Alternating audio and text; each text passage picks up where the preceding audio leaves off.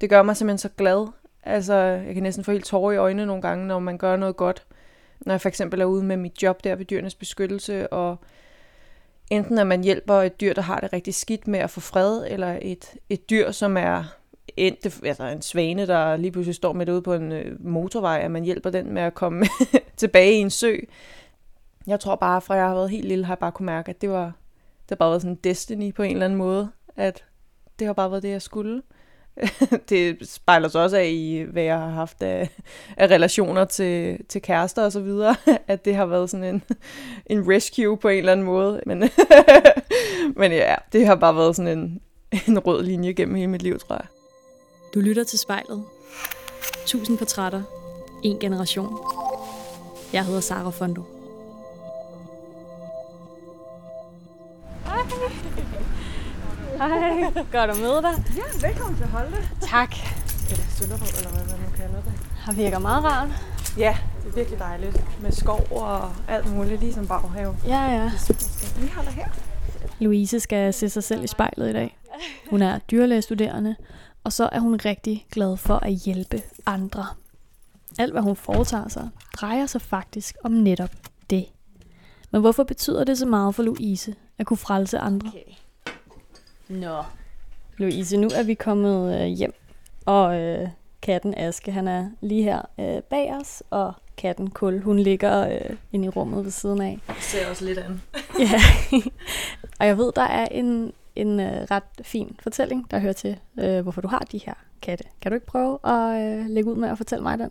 Jo, det kan du tro. Øhm, jamen altså, da jeg fandt ud af, at jeg gerne ville være dyrlæge, så bliver man jo nødt til at have noget erhvervserfaring med i bagagen. Øhm, og jeg arbejdede blandt andet som vagtcentral medarbejder inde på Dyrenes Beskyttelses Vagtcentral 1812. Og der kom jeg i bekendtskab med, at der jo simpelthen findes en dyreambulance, hvor man kan være frivillig på. Så fik jeg også lov til at køre med som dyreredder ud og se nogle af de opgaver, som bliver modtaget inde på 1812. Og vi kommer ud, det var i Københavnsområdet, til den her lille bitte, meget sorte, meget forskræmte killing. Øhm, helt kulsort, som altså virkede til aldrig at have været i menneskehænder, øhm, men var fuldstændig efterladt. Der var ingen katte i området, så vi valgte at tage den med. Og på vej til internatet sad jeg med den i, øh, i sådan en lille boks der, og den var bare så sød, altså. Total, øh, total gik lige i hjertet. Øhm, så jeg endte med at døbe den kul, og så da vi kom frem til internatet, så måtte jeg jo lige lægge en besked om, at øh, når den engang var klar til at komme ud, så, øh, så måtte de gerne lige ringe til mig. Og det viste sig så, at hun var øh, så forskræmt, at hun altså, højst sandsynligt er vildkat, aldrig har været i menneskehænder. Øhm, så da hun kom ud af en plejefamilie sammen med nogle andre katte på hendes egen alder, der, øh, der får hun simpelthen en bedste ven i en anden øh, efterladt killing, som er blevet fundet ude på en, øh, en landevej, en sort-hvid killing. Øhm, de, altså, der er billeder af dem, hvor de ligger og nærmest ligger i ske og holder om hinanden. Øhm, så da det blev til, at de ligesom var klar til at komme ud til en familie, øh, der ringede internatet til mig og sagde, prøv at høre, hun har simpelthen fundet verdens bedste ven i katten, der hed dengang Luffe, øh, om jeg var interesseret i to katte, og det var jeg. Øh, så øh, da jeg mødte ham, så skulle han jo ikke hedde andet end Aske. Øh, Kuller Aske. Og hvad føler du det sådan, altså fortæller om dig, at du har lyst til sådan at tage to øh, vildkatte, altså katte med en, en del flere problemer, end hvis det bare sådan er avlet ind i dit hjem her? Jamen altså, jeg er jo øh, sådan en, der bare gerne vil hjælpe alle steder, hvor jeg kan. Øhm, og også en, der lader mig styre hjertet på mange punkter, tror jeg. Øhm, og så var der to helt perfekte små søde, der havde brug for noget hjælp og, og noget kærlighed, øh, som jeg var klar til at kaste over dem.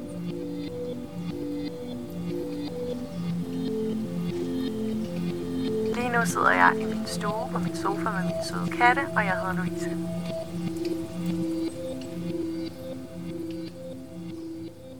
Louise, nu sidder vi i din sofa, og du har et lille spejl, hvor du kan se dig selv i. Og jeg ved, at mange af de valg, du har taget her i livet, har været øh, drevet af en lyst til at hjælpe andre. Så kan du ikke prøve at beskrive, altså hvad betyder det for hende, der ser sig selv i spejlet lige nu, at kunne hjælpe, at kunne være der for andre? Jeg tror jo egentlig, at jeg er alt for god nogle gange til at, at hjælpe andre, end at hjælpe mig selv. Øhm, og det er jo igen så også noget, jeg har skulle arbejde rigtig meget på. Men jeg tror, det, det er vigtigt for mig, øhm, fordi det gør, at jeg har en god fornemmelse i maven, når jeg gør noget for andre, hvad end det, det er dyr eller mennesker. Øhm, og til at, altså helt fra jeg var helt lille, har jeg kunne mærke, at det var dyr, jeg skulle hjælpe. Så var der en periode, hvor jeg ligesom ikke troede, at det var noget, jeg kunne opnå, at få en uddannelse øh, inden for noget, som, som handlede om at hjælpe dyr. Og så blev det mennesker, i stedet for, ikke at mennesker er så meget værre end dyr, men øh, jeg kan bedst lide dyr. øhm, ja, og så, øh, så tror jeg ligesom bare, at jeg vendte tilbage til, at det var dyrene. Det gør mig simpelthen så glad. Altså, jeg kan næsten få helt tårer i øjnene nogle gange, når man gør noget godt. Når jeg for eksempel er ude med mit job der ved dyrenes beskyttelse, og enten at man hjælper et dyr, der har det rigtig skidt med at få fred, eller et, et dyr, som er endte, altså en svane, der lige pludselig står midt ude på en øh, motorvej, at man hjælper den med at komme tilbage i en sø. Jeg tror bare, fra jeg har været helt lille, har jeg bare kunne mærke, at det var, det har bare været sådan en destiny på en eller anden måde, at det har bare været det, jeg skulle. det spejler sig også af i, hvad jeg har haft af, af relationer til, til kærester og så videre, at det har været sådan en, en rescue på en eller anden måde. Ikke, ikke noget ondt om dem, men, men ja, det, det har bare været sådan en, en rød linje gennem hele mit liv, tror jeg. Ja. Og øh, jeg ved, der er en øh, historie, der involverer nogle øh, frøer, som sådan øh, ligesom er, er der, det går op for dig, at øh, det er sgu ret fedt at, at kunne, kunne hjælpe nogen. Kan du øh, prøve at fortælle mig den? Ja, det kan jeg godt. Øhm, jeg tror, jeg var fem eller seks år øhm, nede for enden af vores, øh, vores, vores lejlighedsblok. Der er der sådan nogle, øh, en, nogle riste øh, ned til nogle lyskasser. Og der er måske en halv meter ned til bunden. Og det var simpelthen så uheldigt dengang, at der blev ved med at falde frøer ned i de her lyskasser. Øhm, og det fandt jeg ret hurtigt ud af, fordi at hvad laver en seksårig øh, dyreelskende pige? Jamen hun går der rundt og leder efter dyr. Så jeg fandt jo ret hurtigt, at de her frøer, de blev ved med at falde ned i den her øh, lyskasse gennem resten.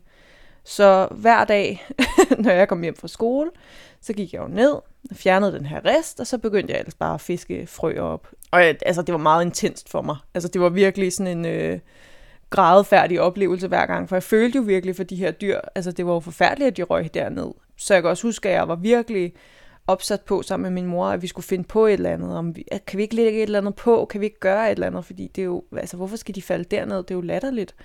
Jeg tror faktisk, vi endte med at, at lægge et stort stykke øh, træ på, sådan, så der ikke var nogen dyr, der kunne falde ned. Øhm, men ja, altså, det var, det var bare sådan en rigtig god historie, som ligesom fortæller sådan, vi skal redde dyrene, og det skal være nu.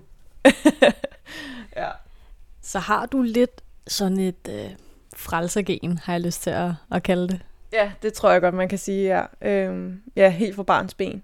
Og det, det er jo også noget, mine, mine forældre har givet mig med, ikke? Altså, jeg har jo også set dem være, være gode mod andre og mod dyr. Øhm, mit hus hjemme hos min mor har altid været fyldt med dyr. Øhm, og også hjemme hos min far. Så det har bare været sådan en...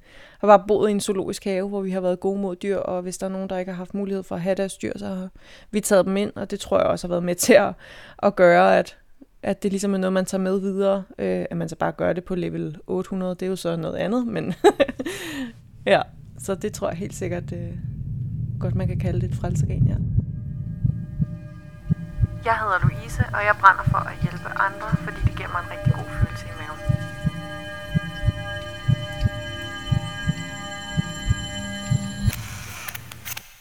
Så du er altså rigtig glad for at hjælpe, men har du omvendt prøvet at stå i en situation, hvor du har følt dig sådan totalt hjælpeløs? Åh, oh, det er et godt spørgsmål. Altså, generelt tror jeg, at hvis man spørger alle mine familie og alle mine venner, så er jeg sådan en, der har rigtig svært ved at spørge om hjælp.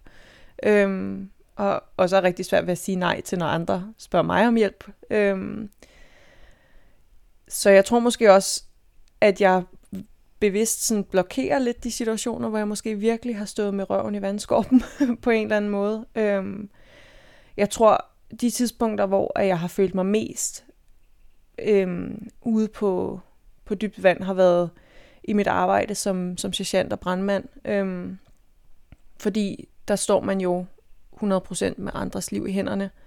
Øhm, ikke altid super øh, akut, som det lige lyder, når jeg fortæller det på den her måde, men, men det er situationer, hvor jeg virkelig har haft brug for hjælp. Øhm, og altså, ikke har kunne klare tingene alene, øh, hvor at det har krævet samarbejde. Så altså, du, øhm, du har altid elsket dyr, og du læser også et dyrlæge nu, men du har også øh, ligesom haft en, en periode, hvor du har været øh, ja, brandmand og sergeant og sådan noget. Hvordan øh, kan det være? Hvorfor gik du ikke bare direkte ud og blev dyrlæge? Jamen, faktisk så er det jo hele grunden til, at jeg ikke startede med at blive dyrlæge. Øhm, fordi, og grund til, at jeg også har startet Instagram-profilen, øhm, det er jo simpelthen fordi, at øh, rigtig mange i min omgangskreds, folk, venner, bekendte, familie, ligesom sat spørgsmålstegn ved, om, om jeg var dygtig nok fagligt til at læse en så svær uddannelse som dyrlæge. Prosit. Ja, jeg er faktisk lidt allergisk for kat. øh, ja, ej, det er helt okay. Hvad hedder det nu? Nej, så øhm, altså jeg, jeg tror ligesom, jeg var for påvirkelig, da jeg var ung og var færdig med gymnasiet. Øhm, så jeg, ligesom, jeg kom ligesom til at lytte til, hvad andre sagde. Og til sidst så endte jeg bare med at tænke, at det kan jeg jo ikke. Altså jeg kan jo ikke læse til dyrlæge, det er jo for svært. Jeg har ikke gode nok karakterer. Heller ikke til at søge kvote 2, og det var, det var selvfølgelig ikke rigtigt, men det var ligesom den følelse, jeg gik ud med. Og så tænkte jeg, okay, hvad fanden kan jeg så gøre? Altså, hvad er muligt så? Øhm, og ambulanceredder og paramediciner har altid været noget, som jeg også synes har lyttet rigtig spændende, øh, før jeg vidste lige præcis, hvad det indebar. Øhm, så jeg tror ligesom, jeg tænkte, okay, så er det så er det, det, vi gør.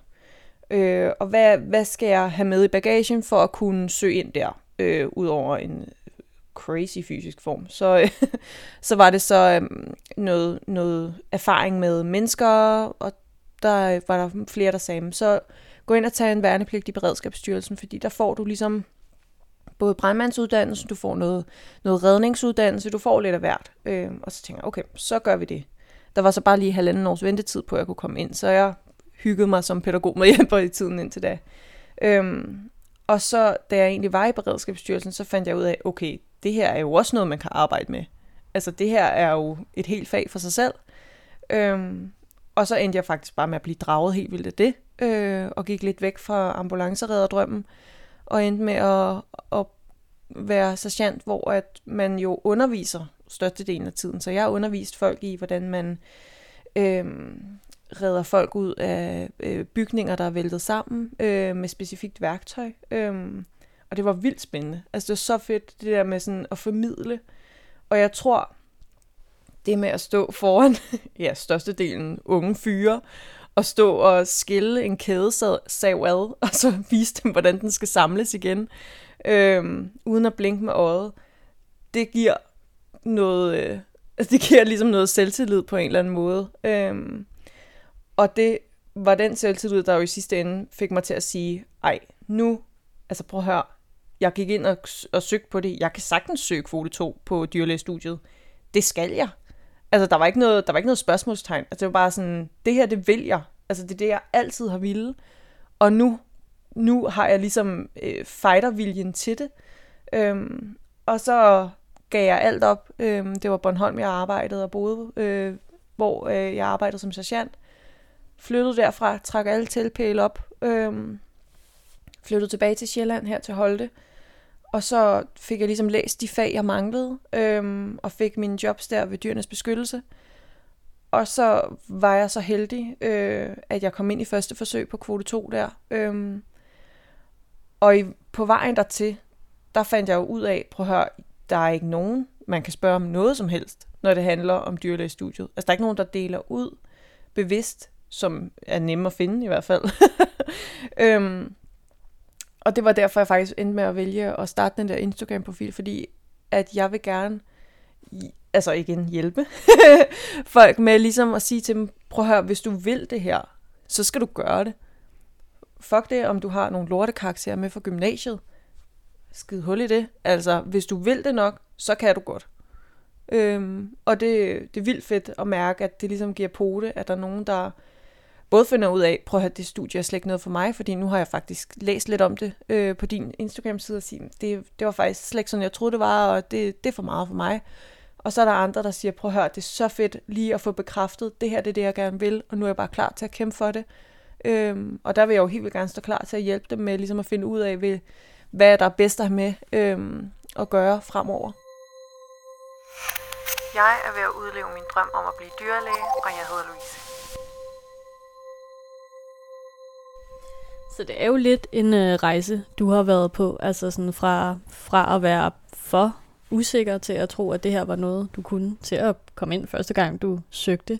Kan du huske, hvordan du reagerede, da du fik det brev, der stod, hey Louise, velkommen til? Ja, altså det var, altså jeg tror alle i min omgangskreds var faktisk sikre på, at jeg kom ind, øhm, hvilket jo er et kæmpe kado, øh, fordi de før i tiden ikke har, ikke, ikke fordi de ikke har troet på mig, men jo nok ikke har vidst så meget om selve uddannelsen til at kunne sige, om jeg var dygtig nok til det. Øhm, og den aften, hvor at, øhm, det var om natten, klokken 00 dut, at man ligesom forsvarer der, øhm, der, øh, der havde min far og jeg øh, spist øh, jomfruhummer, fordi han var helt sikker på, at jeg kom ind, så det skulle jo fejres den dag. øh, og jeg sagde til ham, far, prøv hvad nu, hvis jeg ikke kommer ind, altså så har vi så spist det her dyremad, og så var han bare sådan, prøv at ligegyldigt hvad, så har du bare været pissedygtig og målrettet, så det, det gør vi ligegyldigt hvad. Og så der klokken 12, så sad jeg med min telefon. Altså, jeg sad bare refreshed den der side non-stop. Altså, jeg tror virkelig, de har fået fnat af mig derinde. Øhm, ja, og så da jeg så, at jeg var kommet ind, så var jeg jo bare sådan, far, jeg er kommet ind. og så var, ja, altså, nu sidder jeg helt for tårer i øjnene, ikke? Altså, det var jo totalt følelsesladet, og vi var begge to så glade, og jeg ringede til min mor med det samme, og ej, det var, det var den bedste følelse nogensinde. Men det var også sådan lidt en mærkelig følelse, fordi jeg troede egentlig, jeg ville være gladere, altså jeg var jo 800% glad, men jeg tror, det var så surrealistisk. Altså, jeg var sådan, men jeg, jeg skal jo være dyrlæge. Jeg forstod, det hvad? Er det rigtigt? Altså, jeg troede ikke på det. Altså, jeg tror stadig ikke på det den dag i dag, tror jeg, selvom at jeg er færdig med anden år nu. Så det er sådan en, altså, det føles så uvirkeligt, at jeg skal være dyrlæge, fordi det bare har været en drøm altid. Øhm, men det var, det var det bedste. Altså, vi spiller nogle gange sådan nogle spil, mine veninder og jeg, hvor man skal svare på sådan noget med, hvad, hvad er du mest stolt af i hele dit liv? Og det er uden tvivl at være kommet ind på dyrlægestudiet. Altså det er, det er det vildeste nogensinde at have opnået det.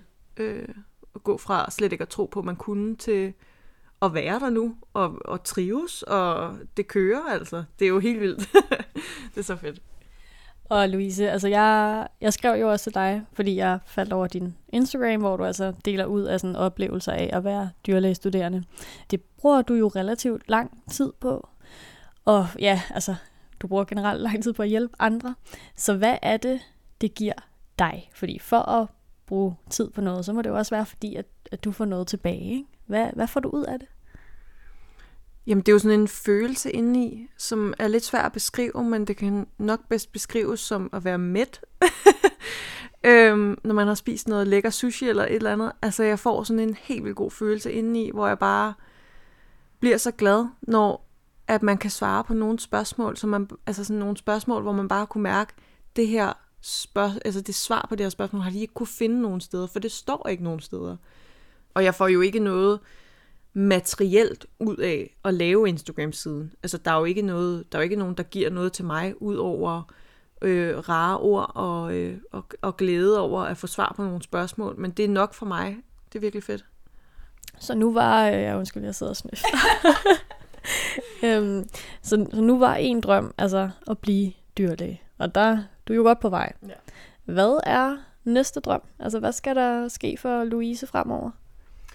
Jamen altså, den ultimative drøm er at få en kæmpe gård, hvor der er plads til alle de dyr, jeg gerne vil have.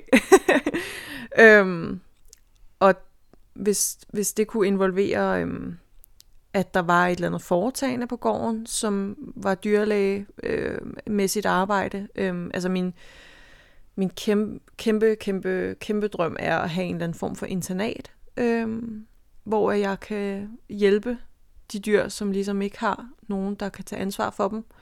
Øh, både hunde, katte, geder, æsler, whatever, der nu end kunne blive efterladt derude. Øh, mine forældre vil, vil gerne flytte med, så det skal selvfølgelig være en tre eller fire længere gård, for jeg gider sgu ikke at bo i hus med dem, men, øhm, men de vil gerne, så kan de også passe dyrene. Det er ret smart, ikke? Ja, så det er, altså, det er drømmen, at bo et sted med noget gård, hvor der er plads til, til alle de dyr der. Altså for mig er dyr øh, terapi, og det er, altså jeg får lov at give fra mig, men de får, altså jeg får sindssygt meget af at være sammen med dyr. Øh, i går var jeg til en fødselsdagsfest hos min veninde. Det første, jeg gjorde, var at gå hen til hunden og sidde med den en halv time. øh, det, altså, det er sådan helt, øh, det er virkelig sigende for mig, tror jeg også, i forhold til mine fremtidsplaner, at de selvfølgelig involverer dyr. Øh, hvad opsætningen helt præcis kommer til at være, er jo ikke noget, man bare lige kan sige, men, men en gård med en masse dyr, det er det næste step. Og faktisk er det lidt sjovt, tager jeg lige mig selv i at sige her, at min, min fremtidsplan handler ikke så meget om mit erhverv, det handler mere om, hvor jeg bor, øh, og mine trygge rammer. I forhold til, hvad jeg gerne vil arbejde med som dyrlæge, så tror jeg, jeg er ret åben for det, fordi det er egentlig noget, jeg føler skal passe mere ind i min livsstil, end at omvendt, at arbejdet skal være det, der fylder. Min livsstil kommer til at være, at jeg er sammen med mine dyr på min gård øh, og min familie. Total øh, tryghedsnarkoman. øhm, og jobbet skal selvfølgelig være noget, jeg er vildt glad for, men det kommer det til at være, hvis det handler om dyr også. Øh, om det så er på den ene eller den anden måde, det er jo så det er jo spændende at se, hvad det bliver til. Øh, jeg er åben for det i hvert fald. Hvis du eller en du kender skal være med i spejlet, så skriv til os på Instagram.